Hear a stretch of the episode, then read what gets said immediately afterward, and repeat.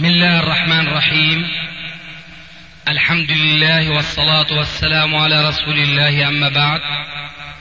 فهذا أحد أشرطة سلسلة الهدى والنور من الدروس العلمية والفتاوى الشرعية لشيخنا المحدث العلامة محمد ناصر الدين الألباني حفظه الله ونفع به الجميع قام بتسجيلها والتأليف بينها محمد بن أحمد أبو ليلى الأثري. إخوة الإيمان والآن مع الشريط التاسع بعد المئة السادسة على واحد. لقد عرفوا أن هذا القيام أولا هي وسيلة نفاق اجتماعي وليس وسيلة إكرام.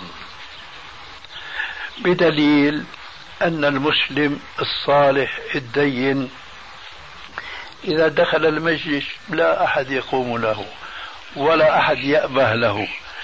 على العكس من ذلك إذا كان هناك شخص وجيه وقد يكون من فساق القوم فتجد الناس يقومون له قيامة إيش هذا القيام؟ بيقول لك هذا عادي من باب الإكرام.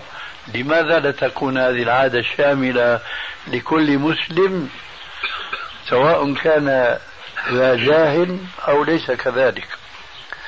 فإذا هذا ليس وسيلة إكرام وإنما هي وسيلة آه، رياء ونفاق.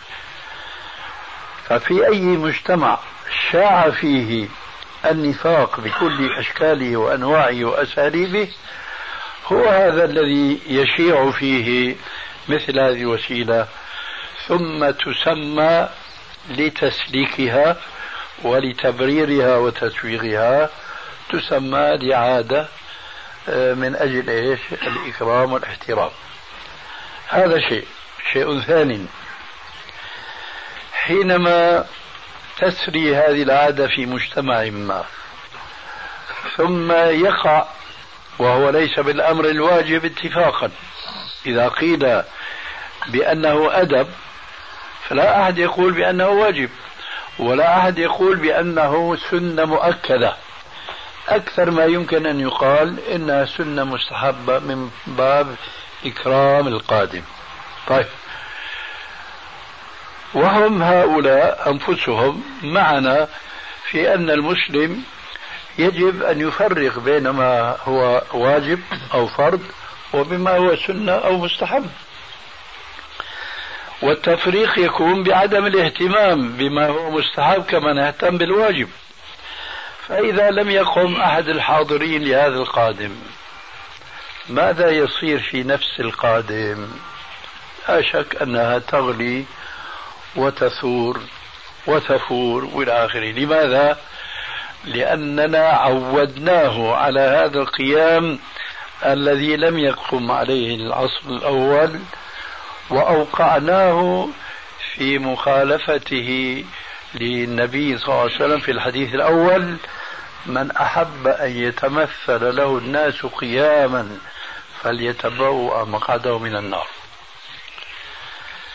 إذا اعتيادنا لهذه العادة يفتح بابا لإيقاع المحبين لهذه العادة أن يتبوأوا مقعده من النار. لأنهم سوف ينكرون على الذي لم يقم أشد الإنكار. وهذا يعني لابد أنكم لاحظتم يعني حوادث ووقائع كثيرة. وأنا كما يقال إن أنسى فلن أنسى. لما كنت تلميذا في المدرسة الابتدائية كان معلم الصف وهو كان مختصا في تدريس اللغة العربية والتاريخ الإسلامي. كان إذا دخل الصف وربما تكون هذه العادة حتى الآن في بعض المدارس يكون هناك عريف صف يقف أمام الباب قبل ما يدخل الأستاذ. فلما يراه قادما يقول للطلاب تهيأوا. وهذا إشعار بأنه المعلم أو الأستاذ داخل. فإذا دخل قاموا له قيامها. يكون أحيانا في نزاع بين أحد الطلبة والأستاذ إما بحق أو بباطل. فأحد التلامذة الذي بينه وبين الأستاذ عداء شخصي لا يقوم له لكن هو يعلم أنه إذا لم يقم له أهانه بل وربما ضربه. فماذا يفعل؟ يتخبى هكذا وراء الطاولة. لكي لا يراه. والأستاذ ما يخفى عليه فهو يتطاول هكذا. ينظر هكذا فيكشفه. يقول له اخرج. والله لا أزال كأنه الآن يضربه بيده برجله. لماذا؟ لأنه لم يقم للمعلم. وشوقي ماذا يقول؟ قم للمعلم. ترجيلا كاد المعلم. أن يكون نبيا. هذا الشعر. نعم رسولا. أحسنين. فالشاهد أن اتخاذ هذه الوسيلة للإكرام كما يزعمون آه لل للإكرام وسيلة الإكرام لها أثار سيئة جدا في المجتمع وهذه بعض تلك الآثار أنها تطبع كثيرا من المسلمين على حب القيام. فإذا ما وقعوا في هذه المحبة هددهم الرسول عليه السلام بقوله فليتبوأ مقعده من النار. من هنا يبدو لي فقه دقيق لمعاوية ابن أبي سفيان رضي الله عنه في هذا الحديث. ذلك لأن الحديث عند عامة العلماء والشراح إنما يستدلون به على تحريم حب الداخل للقيام من الجالسين. وكفى. بينما معاوية رضي الله عنه لفت النظر أن الحديث أيضا يدل على أن الجالسين لا ينبغي أن يقوموا للداخل. مع أن ظاهر الحديث كما يقول الجمهور يعني ينهى الداخل أن يحب القيام. ذلك كما جاء في سنن الترمذي وغيره أنه دخل مجلسه ذات يوم وفيه اثنان من العبادلة أحدهما صحابي وهو عبد الله بن الزبير والآخر تابعي وهو عبد الله بن عامر. فقام له أحدهما ولم يقم له الآخر فنهاه. بماذا احتج عليه بهذا الحديث؟ قال قال رسول الله صلى الله عليه وسلم من أحب أن يتمثل له الناس قياما فليتبوأ مقعده من النار. قد يستغرب من لم آه، يسمع باب سد الذرائع أولا كقاعدة فقهية والشرح السابق آنفا. ما صلت احتجاج معاوية بهذا الحديث على الذي قام له؟ فقهه هو ما ذكرناه آنفا.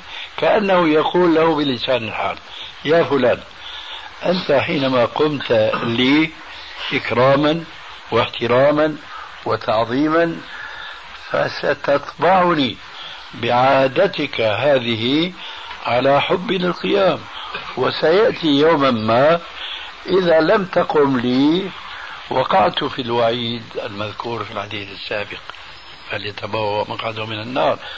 فإذا من باب سد الذريعة لا ينبغي للناس أن يتخذوا هذه وسيلة وسيلة للإكرام. وختاما أقول كما بدأنا الكلام وكل خير في اتباع من سلف وكل شر في ابتداء من خلف. والحديث الحقيقة يعني له بسط طويل وهناك أشرطة ولا حاجة الآن للإفاضة بأكثر مما سبق لكن حسبي أن أذكر بقصة ابن بطة العالم المحدث الحنبلي حيث كان يكره هذا القيام أشد الكراهة حتى إنه يبدو أنه كان يصرف التحريم. فنزل ذات يوم إلى السوق ومعه صاحب له شاعر. فمر بعالم وهو جالس في عمله وهذا من حدي علماء السلف أنهم كانوا أصحاب مهنة يعتاشون بها ويبتعدون عن الوظائف الدولة لأنها في الغالب تكون قيدا وغلا. الشاهد فقام له ذلك العالم وهو يعلم أنه يكره هذا القيام. فبادره ببيتين من الشعر قائلا لا تلمني على القيام فحقي حين تبدو لا أمل القيام. أنت من أكرم البرية عندي ومن الحق أن أجل الكرامة هذه فلسفة هؤلاء الناس الذين قالوا هذه عادة إكرام. ابن بطة كأكثر العلماء لا يحسنون الشعر. لكن صاحبه الشاعر أولا شاعر وتلميذ بار له ويعرف فقهه. فقال له أجيب عني. قال على البديهة أنت إن كنت لا عدمتك ترعى لي حقا وتظهر الإعظام فلك الفضل في التقدم والعلم ولسنا نريد منك احتشاما. فاعفني الآن من قيامك هذا أولا. فسأجزيك بالقيام القياما وأنا كاره لذلك جدا. إن فيه تملقا وأثاما. وإذا صحت الضمائر هون النكتة البالغة جدا. وإذا صحت الضمائر منا اكتفينا من أن نتعب الأجسام. كلنا واثق بود أخيه ففيما انزعاجنا وعلى كلنا واثق بود أخيه ففيما انزعاجنا وعلى هذه هي العبرة التي يجب أن ننتهي إليها ونبتعد عن الوسائل التي تهدمها. بسم الله.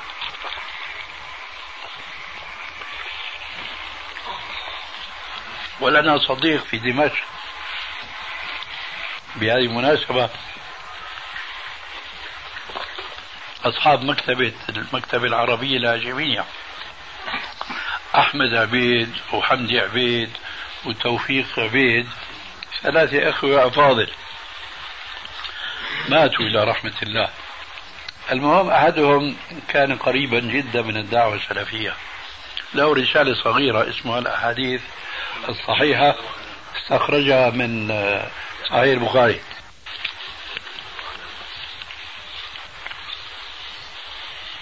حدثني مرة. قال دعينا إلى حفل من حفلات الكبار هؤلاء. قال فأجلسوني في الصف الثاني. وبدأ الحفل يكتمل. وقبل أن يكتمل بدأ الرؤوس يدخلون. سرعان ما شاءت إشاعة الآن يأتي الأمير الفلاني. فالتفتت الأنظار إلى الباب الكبير. دخل الأمير فقمنا. وبقينا قائمين حتى جلس في صدر المكان. فجلسنا. بعد قليل شاعت إشاء أخرى. الآن يأتي الباشا فلان. توجهت الأنظار إلى الباب الكبير. دخل الباشا. قمنا. شوية. الآن يأتي الوزير الفلاني. دخل الوزير. قمنا. قال ما شعرت في نفسي إلا أنني قائم قاعد. كأنه تحتي نابض. زنبرك يعني. قال قلت في نفسي والله هذه شغلة طويلة. ما بريحنا إلا أن نأخذ بالسنة التي سمعناها من فلان. فجلست ما عاد قمت فارتحنا هذا واقع الحفلات كلها. هذا كله نفاق اجتماعي. مع ذلك من باب السياسة ومن باب المداراة تشرع باسم الاستحباب هذه الوسائل ثم هو يتحفظ فيقول أنا أعلم أن المسألة خلافية إيه وما الدليل الشرعي فيها؟ آه، يلجأ إلى الاحتجاج بقول عالم فاضل ويجعله قدوة له وهو ينهى الناس أن يقلدوا عالما ما. ونحن لا أقول نحن معه. نقول هو معنا في النهي عن التقليد. ولكن نحن عندنا تفصيل. التقليد أمر لا بد منه في حدود معينة. لكن مع ذلك يا أيها الذين آمنوا لم تقولون ما لا تفعلون؟ كبر مقتا عند الله أن تقولوا ما لا تفعلون. فالآن مثل هذه المسألة ما يليق بمثل هذا الأستاذ أن يدور عليها وينحى منحى قول من أهل العلم والفضل قال بتجويد هذا الشيء بل باستحبابه حين أدخله في باب مكارم الأخلاق. وقد قال عليه السلام إنما بعثت لأتمم مكارم الأخلاق. كان عليه إن كان لم يدرس المسألة بأدلتها الشرعية أن يدرسها قبل أن يتبنى رأي الشيخ الفلاني. وإن كان قد درسها فكان عليه أن يبين الدليل الشرعي الذي يجوز له اتخاذ هذه الوسيلة وسيلة إكرام وإدخال في باب مكارم الأخلاق وهي في العهد الأول لم تكن كذلك. لا بد من هذا. لكنه استروح إلى قول أحد العلماء الأفاضل ومشى الموضوع من باب أنه هذا من مزادق طلاب العلم. أي يقول طالب العلم يا أخي هذا خلاف السنة. لا السنة بقى تختلف باختلاف الزمان والمكان. هذا معنى الكلام وإن كان هو لا يصرح بذلك شيخنا إذا تذكر أنه ذكر هذا المثال تحت عنوان وهو التأكد من أن هذا الفعل سنة. ثم ذكر تلك الأمثلة. فهو كما تفضلتم يعني لا يعتبره سنة.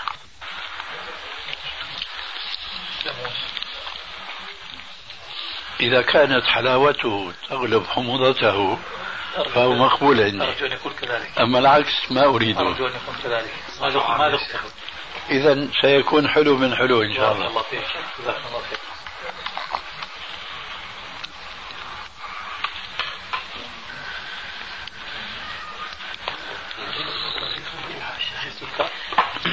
اي والله.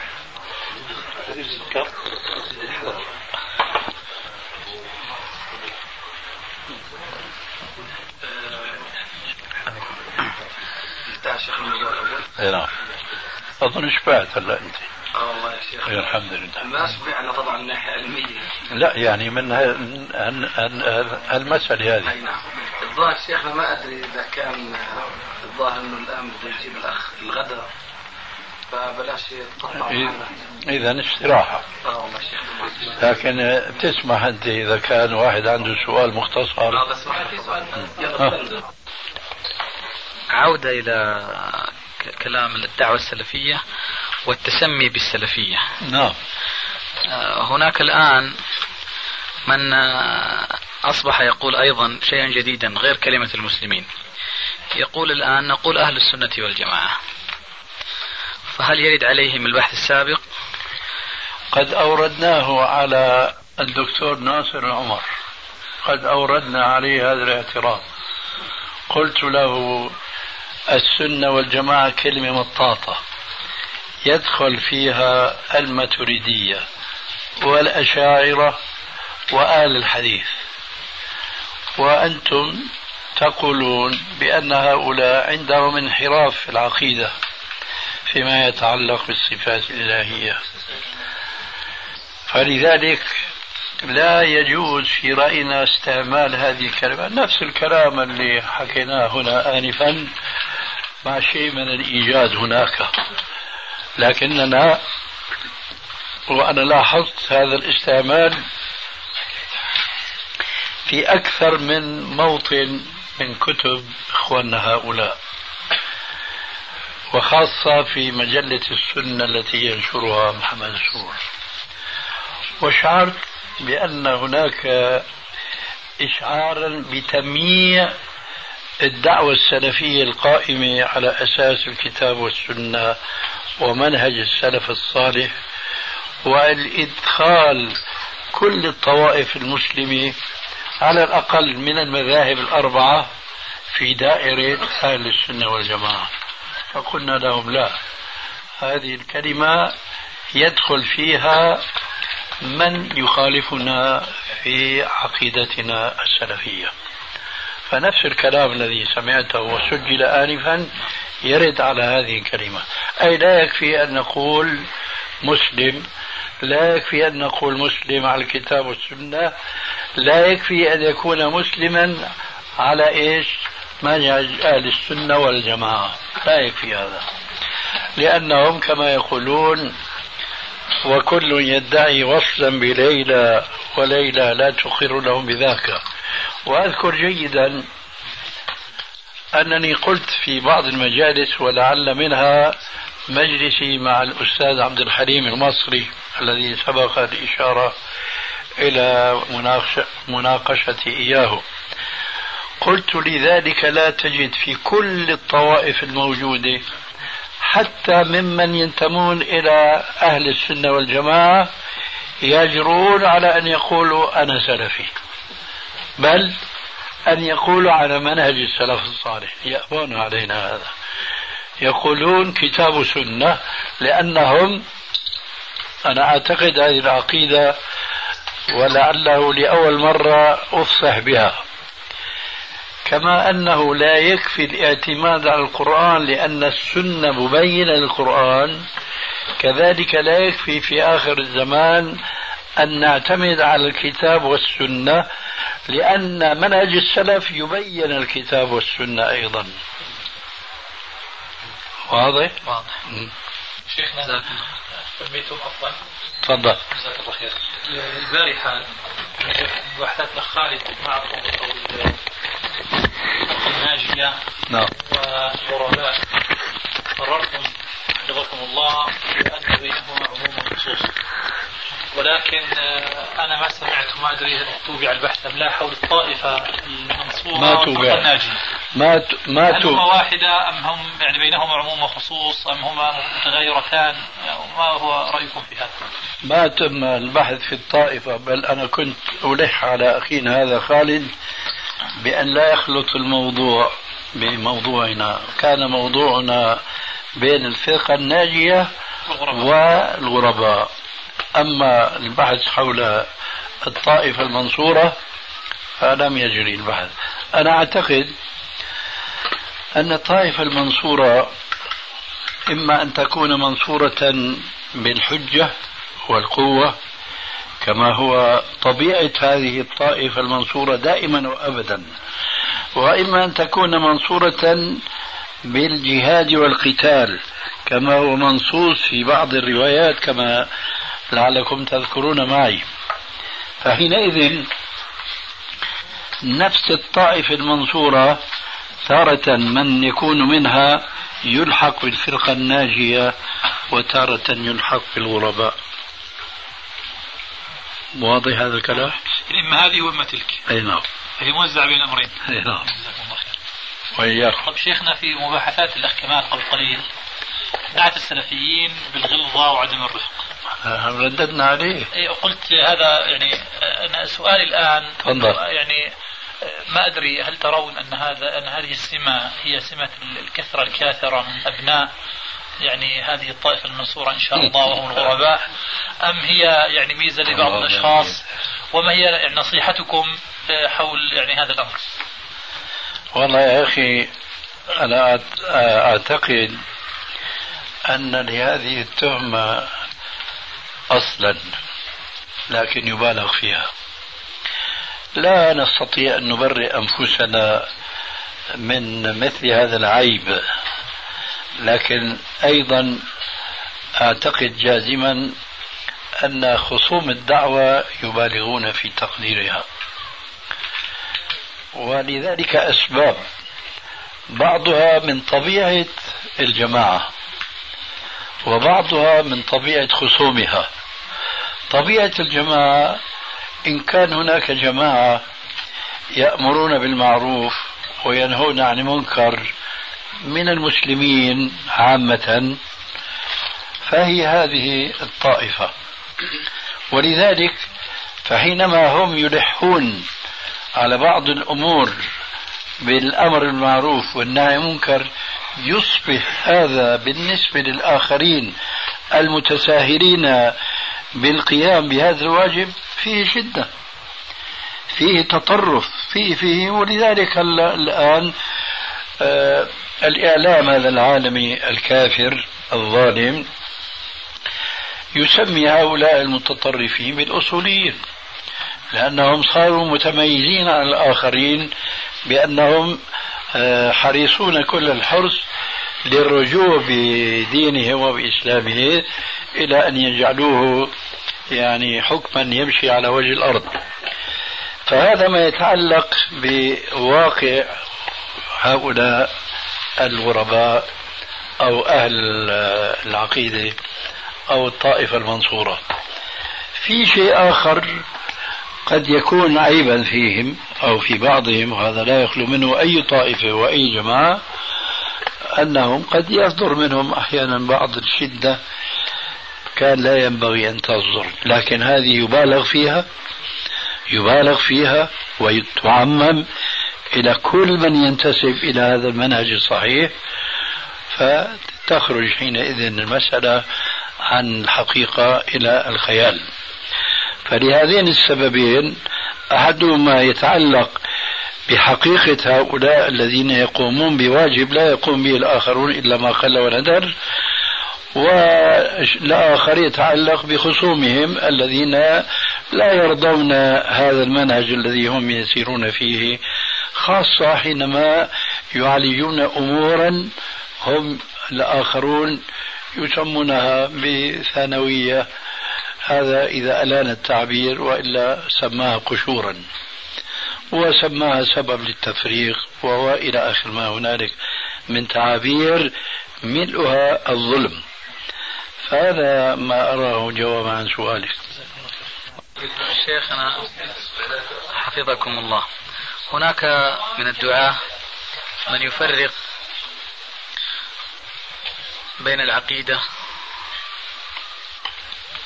والمنهج في التبني.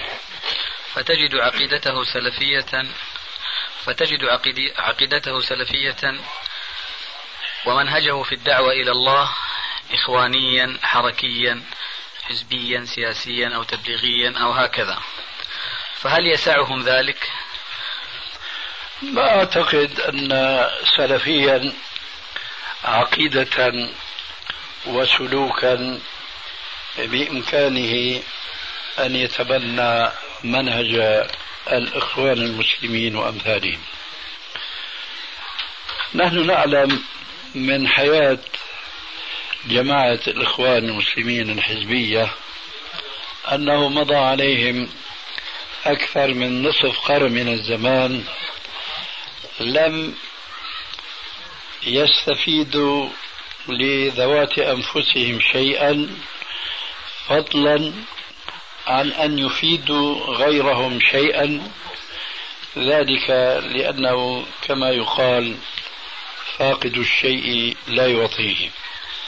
فهم منذ أن كان مرشدهم حسن البنا رحمه الله جمعهم وكتلهم جمعهم وكتلهم على خلاف المنهج القرآني. الذي يقول مثلا فإن تنازعتم في شيء فردوه إلى الله والرسول إن كنتم تؤمنون بالله واليوم الآخر ذلك خير وأحسن تأويلا لقد قام نظام الإخوان المسلمين على قاعدة أنا أعبر عنها من عند نفسي ولا يستطيعون أن ينكروها ولئن تجرأ أحدهم على إنكارها فواقعهم يكفينا حجة لها وعليهم. قاعدة أنا أعبر عنها من عند نفسي ولا يستطيعون أن ينكروها ولئن تجرأ أحدهم على إنكارها فواقعهم يكفينا حجة لها وعليهم. قاعدتهم هي كتل الناس جمعهم على ما بينهم من خلافات عقدية أو سلوكية أو فقهية. ثم ثقف كتل ثم ثقف على هذا قامت دعوتهم طيلة هذه السنين الطويلة. لكن الواقع يشهد أن لا شيء هناك سوى التكتيل وليس هناك شيء يسمى بالتثقيف.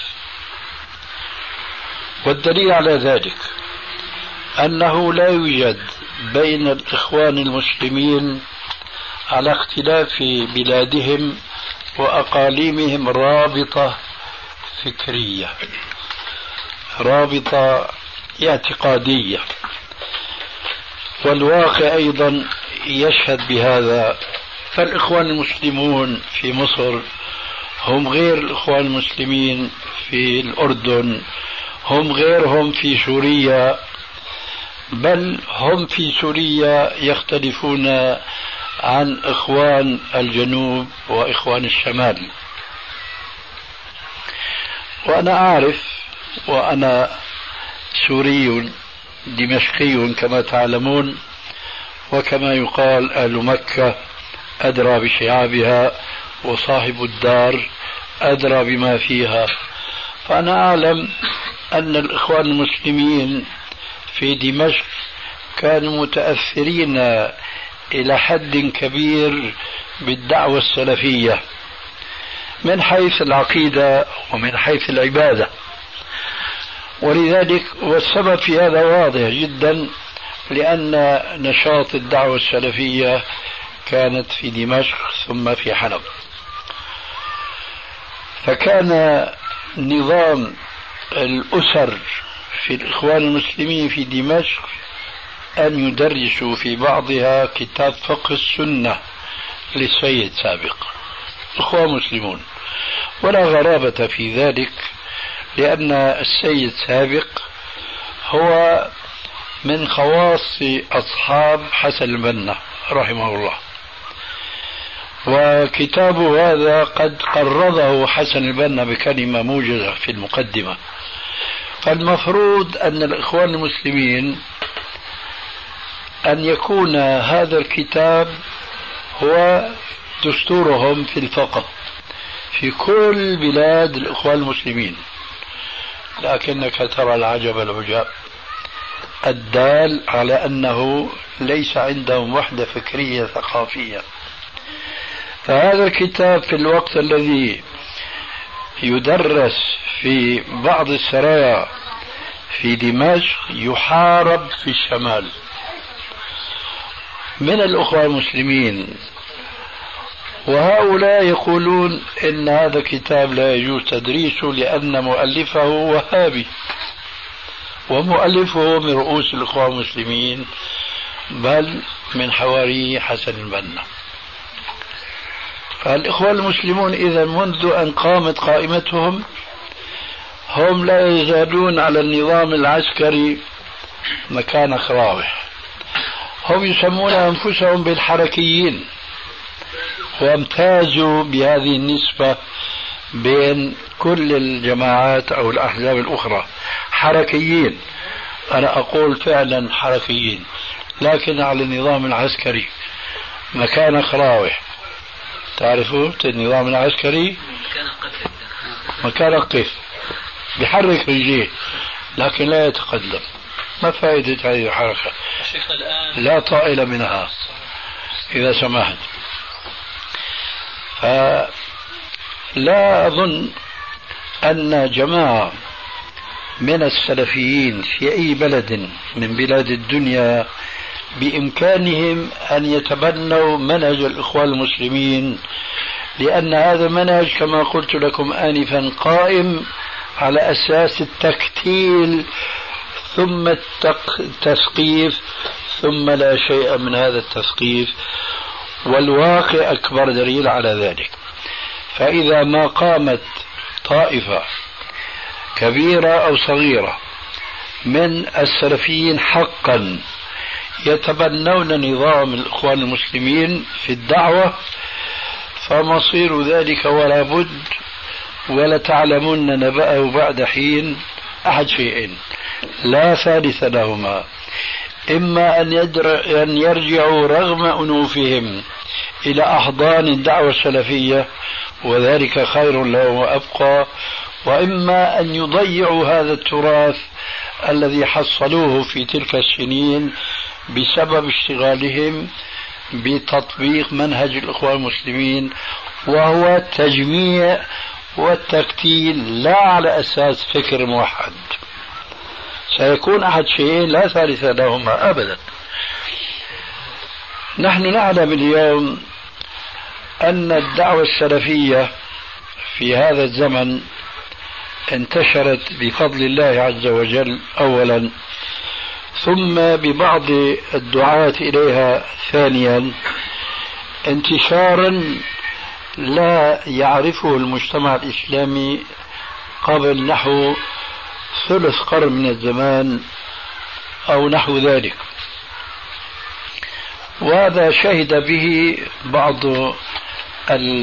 السلفيين الذين يتكلمون الآن بالدعوة السلفية ولعلها تكون مطعمة في المنهج الإخواني. فأنا أقول إن دعوة الإخوان المسلمين لما كانت قائمة على أساس التكتيل ثم لا شيء من الثقافة وكانت دعوة السلفيين قائمة على التثقيف وليس على التكتيل ولذلك كان النصر لهذه الدعوة مقرونا بها حيثما حلت. وقد ظهر هذا الآن في هذا العصر ولذلك أصبحت الدعوة السلفية أو المنهج السلفي في كل مكان وعلى كل لسان. وبعض الجماعات التي كانت تحارب الدعوة السلفية علنا ولا تزال تحاربها باطنا وخفية تركب الموجة السلفية الآن. لأنهم وجدوا أن لا قبول لتلك الحركة القائمة على أساس مكانك راوح لا علم ولا سلوك ولا أي شيء جديد نافع. فأنا أعتقد أن أي جماعة سلفية إذا تركت منهجها السابق متأثرة بأسلوب الإخوان المسلمين من حيث محاولة تكتيل أكبر عدد ممكن حولهم فسنة الله عز وجل في خلقه لا تتغير ولا تتبدل. أعني أن الإنسان كما قال خلق الإنسان ضعيفا فهو لا يستطيع أن يقوم بكل شيء. لا يستطيع أن يحقق في العلم وفي السياسة وفي الاقتصاد وفي الاجتماع. لا بد من الاختصاص في كل علم هو يعتبر على الأقل من الفروض الكفائية. فإذا ما توجهت جماعة كانت تعمل في دائرة العلم مما نحن نسميه بالتصفية. تصفية هذا الإسلام مما هو بريء منه والتفصيل سمعتموه أكثر من مرة.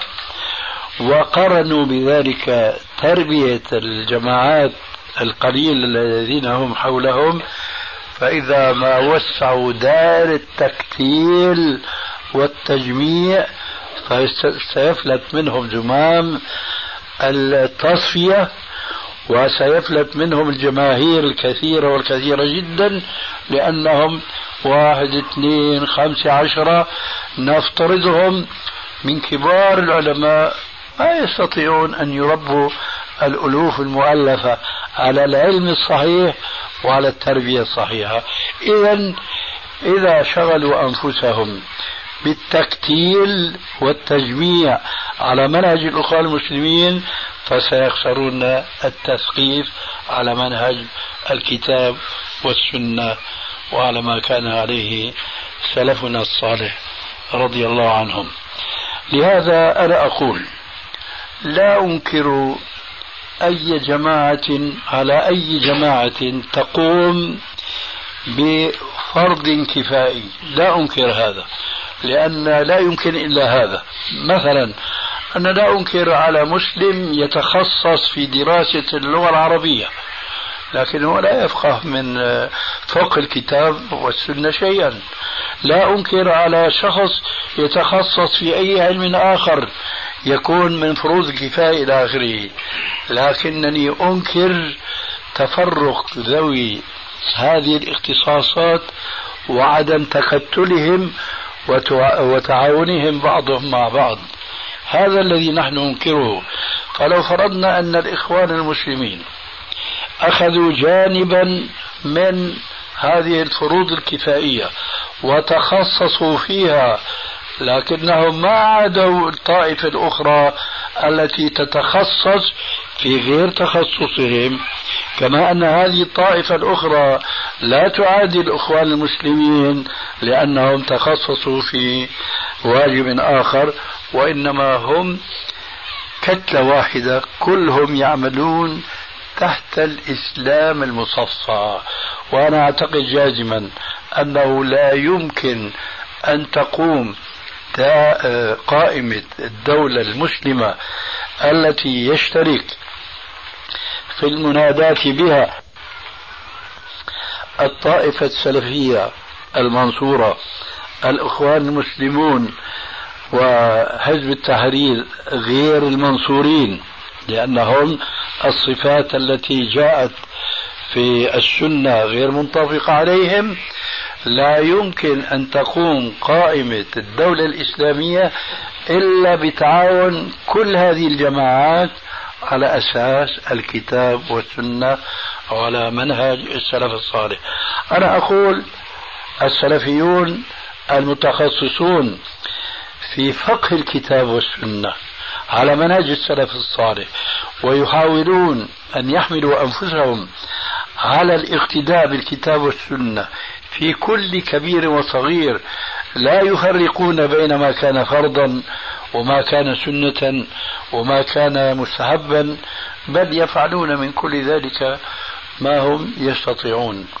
بخلاف الآخرين الذين يقنعون بأن يتبعوا مذهبا من المذاهب دون أن يعرفوا الصواب مما اختلف فيه الناس.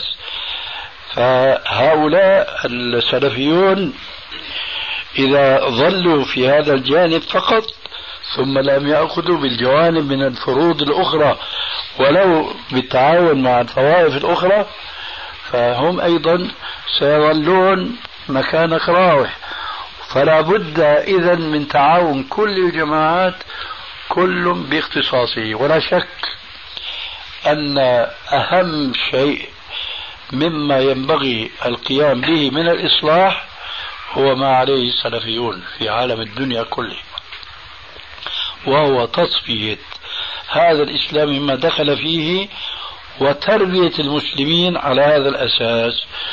نحن لا ننكر القيام بالفرائض الكفائية لكننا لا نبالغ فيها كما يبالغ الآخرون في ذلك. وعلى هذا الأساس إذا توحدت الجماعات في كل جماعة في اختصاصها. مع الجماعات الأخرى تحت دائرة العمل في حدود الكتاب والسنة. كما قلنا آنفا ابتداء بقوله تعالى فإن تنازعتم في شيء فردوه إلى الله والرسول. إلى آخر الآية أنا أعتقد أن أنه يومئذ يفرح المؤمنون بنصر الله. أما أن يظل كثير من إخوان المسلمين يقولون يا أخي هذه الدعوة تفرق الناس ولا تجمع. نقول شنشنة أو شنشنة نعرفها من أقدم وهذه المشكلة أنهم لا يتعاونون مع هؤلاء الذين يقومون بواجب التصفية ويتهمونهم بأنهم يفرقون. فإذا تعاونت كل طائفة مع الأخرى كل في حدود اختصاصه أعتقد أن هذا هو السبيل في إنجاح المسلمين وإخراجهم من هذا الضعف الذي وقعوا فيه. الآن يا أستاذ إذا عندك شيء تفضل به. جزاكم الله خير. قلتم جزاكم الله خير أنه الإخوان مكانك قف ومكانك راوح يعني وقع في قلبي الاتجاه الجديد الذي يأكل الإخوان أكلا وهو يقدمهم في الحقيقة لكن إلى الوراء لا, لا إلى الأمام. وهو لا مكانك راوي تعني اتجاه لا يقون على مكانك راوي هذا هو إنما يقدمهم الوراء, إلى الوراء. نعم. وهو اتجاه الترابي الذي يعني الآن له في صفوف الإخوان يعني منزلة كبيرة وشنشنة ويزينوه وينادوا فيه وله امتداد آه، سواء في دول أوروبا عند المسلمين أو في أمريكا أو حتى في داخل صفوف الإخوان اللي هو انشق عنهم وخرج عن تنظيمهم. لكن الآن يوجد شق في التنظيم العالمي في الإخوان في كل بلدة من من بلدانه. اناس يدافعون ويتحمسون ويمدحون آه، فكر الترابي وما ينادي به الترابي. طيب ممكن نعرف شيئا عن دعوة الترابي؟ أما ترابي ف ينادي بالطرح الحضاري الإسلامي وينبغي أن يطرح الإسلام على وجهه الحضاري لا على وجهه التراثي البالي. الله وينبغي أن يصفى آه، تصفى القواعد المسلمة عند العلماء وعند الفقهاء من مثل مثلا أصول الفقه. ما الذي وضع هذه الأصول؟ ولما شروط هذه القياس وشروط الاجتهاد وشروط وشروط ما المانع أن يطرح الحكم الشرعي المختلف فيه على الناس ويختارون رأيا من عشر آراء أو من خمس آراء أو من أربع آراء في خلاف بين الناس ويختارون الأنسب لهم والأنسب بالحضارة والأنسب بالرقي. وهذه التشديدات التي وقع في التي ينادي بها المسلمون هي التي ولدت ردود الفعل عند الناس. فما انتشر العري وما انتشر التفنن في الموضة والأزياء إلا بوجود من يعني يتسترون التستر الزائد وينادون بالغطاء والأسود الذي يعني في ستر وجه أو ستر وما إلى ذلك. فهو يطرح الإسلام على زعمه طرحا حضاريا لا يعني في النظر للنصوص وكل نص على رأيه له ملابساته له ملابساته وله ظرفه وله وما ينبغي لسنا مقيدين بهذا الفهم. يعني هذه شنشنة مني على فكر العام لكن فكر الخاص حقيقة يحتاج إلى يعني متابعة دقيقة. ودراسة دقيقة. لكن هذا ما يقوم في ذهني من خلال سماعي يعني لبعض كلماته وقراءتي لبعض ما كتب. نعم. من مثل كتابه عن المرأة ومن مثل كتابه عن التجديد. في أصول الفقه؟ عفوا كتابه عن المرأة عندك؟ عندي نعم. ممكن نستعيره؟ آه سهل. الآن طيب نحن نتهيأ أن ننصرف الآن. نعم فأظن الجواب عن هذا السؤال آه، كافي إن شاء الله. جزاك الله خير. الله يعطيك العافية الله بارك الله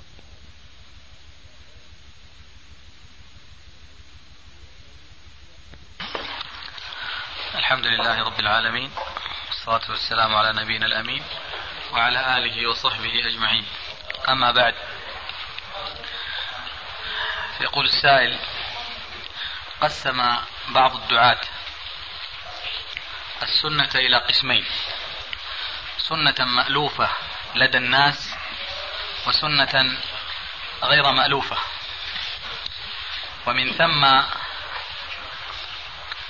دعا الناس دعا الشباب الذين يحثون الناس على الاتباع على اتباع السنة أن يراعوا مصلحة الدعوة والمفسدة وعدم تنفير الناس. فما رأيكم في هذا التقسيم؟ وما هو ضابط المصلحة والمفسدة عند تطبيق السنة ودعوة الناس إليها أقول بعد الحمد لله والصلاة والسلام على رسول الله وآله وصحبه ومن تبعهم بإحسان إلى يوم الدين. في ظني أن هذا التقسيم إن كان صدر من أحد من الدعاة الإسلاميين فهو أقل ما يقال فيه إنه تقسيم مبتدع. وحينما أقول إنه تقسيم مبتدع ينبغي علي أن أشير إلى أن البدعة عند العلماء قسمان. قسم متفق على أنه بدعة ضلالة وهي البدعة التي تخالف السنة. سواء كانت هذه السنة آه، سنة قولية أو كانت سنة فعلية. فأي حادث أو بدعة خالفت السنة النبوية فهي باتفاق العلماء هي بدعة ضلالة. والقسم الآخر هو الذي اختلف فيه العلماء. إذا كانت البدعة لا تخالف سنة صريحة كما قلنا في القسم الأول فهنا للعلماء قولان معروفان. الأول وهو الصحيح الذي لا ريب فيه عند أهل العلم والتحقيق هو ما جاء في قوله عليه الصلاة والسلام الصريح الصحيح كل بدعة ضلالة وكل ضلالة في النار. والقول الآخر وهو مرجوح يعلم من قولنا السابق ألا وهو الذي يقول بتقسيم البدعة إلى خمسة أقسام. هذا التقسيم أقول بلسان عربي مبين هو أيضا بدعة كذاك التقسيم الذي قلت إنه تقسيم مبتدع ولكن هذا التقسيم أحدث في الابتداع من التقسيم القديم. تقسيم البدع إلى خمسة أقسام يقول به كثير من العلماء المعروفين ولهم اجتهادهم على خطئهم. أما تقسيم السنة إلى سنة مألوفة وغير مألوفة. هذا التقسيم من بدع هذا الزمان. فأقول ما كان كذلك فلا شك أن اتفاق العلماء على أن كل محدثة وكل بدعة تخالف ما كان عليه الرسول عليه السلام فهي بدعة ضلالة. حتى الذين يقسمون البدعة إلى خمسة أقسام فهذا قولهم. الذين يقولون باستحباب بعض المحدثات وبعض الأمور الحادثات يشترطون أن تدخل هذه البدعة في بعض النصوص العامة بشرط ألا تعارض نصا نبويا سواء كان من قول عليه السلام أو من فعله. فهذه السنة التي سموها بغير مألوفة هذا مخالف لسنن كثيرة وكثيرة جدا. أول ذلك أن هناك حديث صحيح أو أن هناك حديثا صحيحا آه، نذكره وبذكرنا إياه كما يقولون نرمي عصفورين بحجر واحد. أول ذلك نضرب البدعة القديمة وهي تقسيم البدعة إلى خمسة أقسام. ذلك لأن هؤلاء الذين يقولون بتقسيم البدعة إلى خمسة أقسام يحتجون بالحديث التالي وهو أيضا نرد به على هذه البدعة أو على هؤلاء القائلين بالبدعة الحديثة وهي السنة غير المألوفة. أعني بذاك الحديث ما أخرجه الإمام مسلم في صحيحه من حديث جرير بن عبد الله البجلي رضي الله تعالى عنه قال كنا مع النبي صلى الله عليه وآله وسلم جالسين حوله.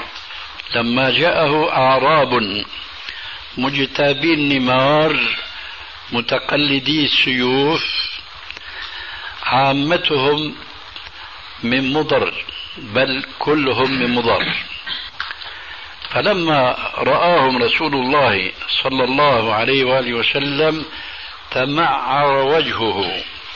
أي تغيرت ملامح وجهه عليه السلام حزنا على ما رأى فيهم من فقر مدقع.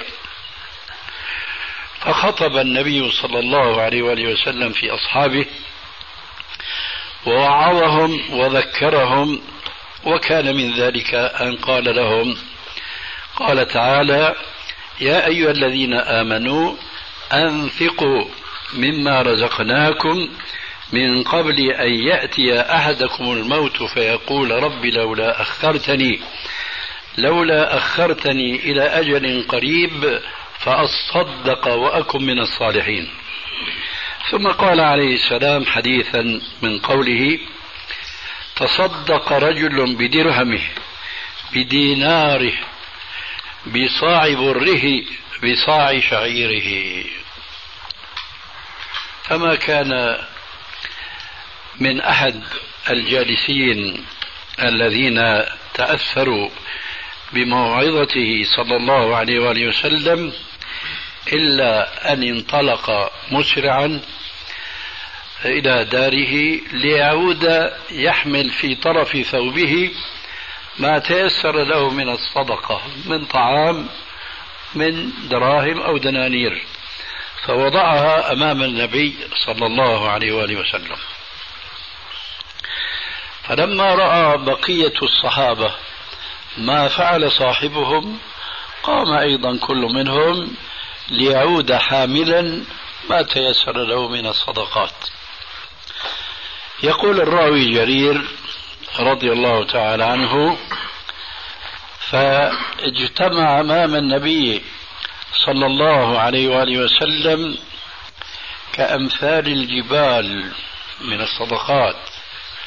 فتنور وجهه عليه السلام كأنه مرهبة على خلاف الوضع الأول حيث تمعر وجهه عليه السلام حزنا على فقرهم ولكنه صلى الله عليه وآله وسلم حينما رأى أصحابه قد استجابوا لله وللرسول حينما دعاهم لما يحييهم كان ذلك مدعاة لأن تتغير ملامح وجه النبي صلى الله عليه وسلم فرحا وحضورا وسرورا باستجابتهم لموعظته وتصدقهم على هؤلاء الفقراء من العرب. فقال عليه الصلاة والسلام بهذه المناسبة وهنا الشاهد من سن في الإسلام سنة حسنة فله أجرها وأجر من عمل بها إلى يوم القيامة دون أن ينقص من أجرهم شيء. ومن سن في الإسلام سنة سيئة فعليه وزرها ووزر من عمل بها إلى يوم القيامة دون أن ينقص من أوزارهم شيء. انتهى الحديث. وهو كما قلنا في صحيح مسلم. إخوة الإيمان تتمة الكلام في الشريط التالي. الشاهد من هذا الحديث أن النبي صلى الله عليه وآله وسلم يحض في هذا الحديث على إحياء سنة أماتها الناس لسبب أو آخر من هذه الأسباب الغفلة. من هذه الأسباب الجهل من هذه الأسباب تكالب الناس على الدنيا فيقوم مسلم فيحيي سنة ويحيي عبادة. من العبادات التي صارت مهملة متروكة ويحييها ويستن الناس به فيها فيكتب له أجرها وأجر من عمل بها إلى يوم القيامة دون أن ينقص من أجورهم شيء. هذا الحديث صريح الدلالة في هذا المجال.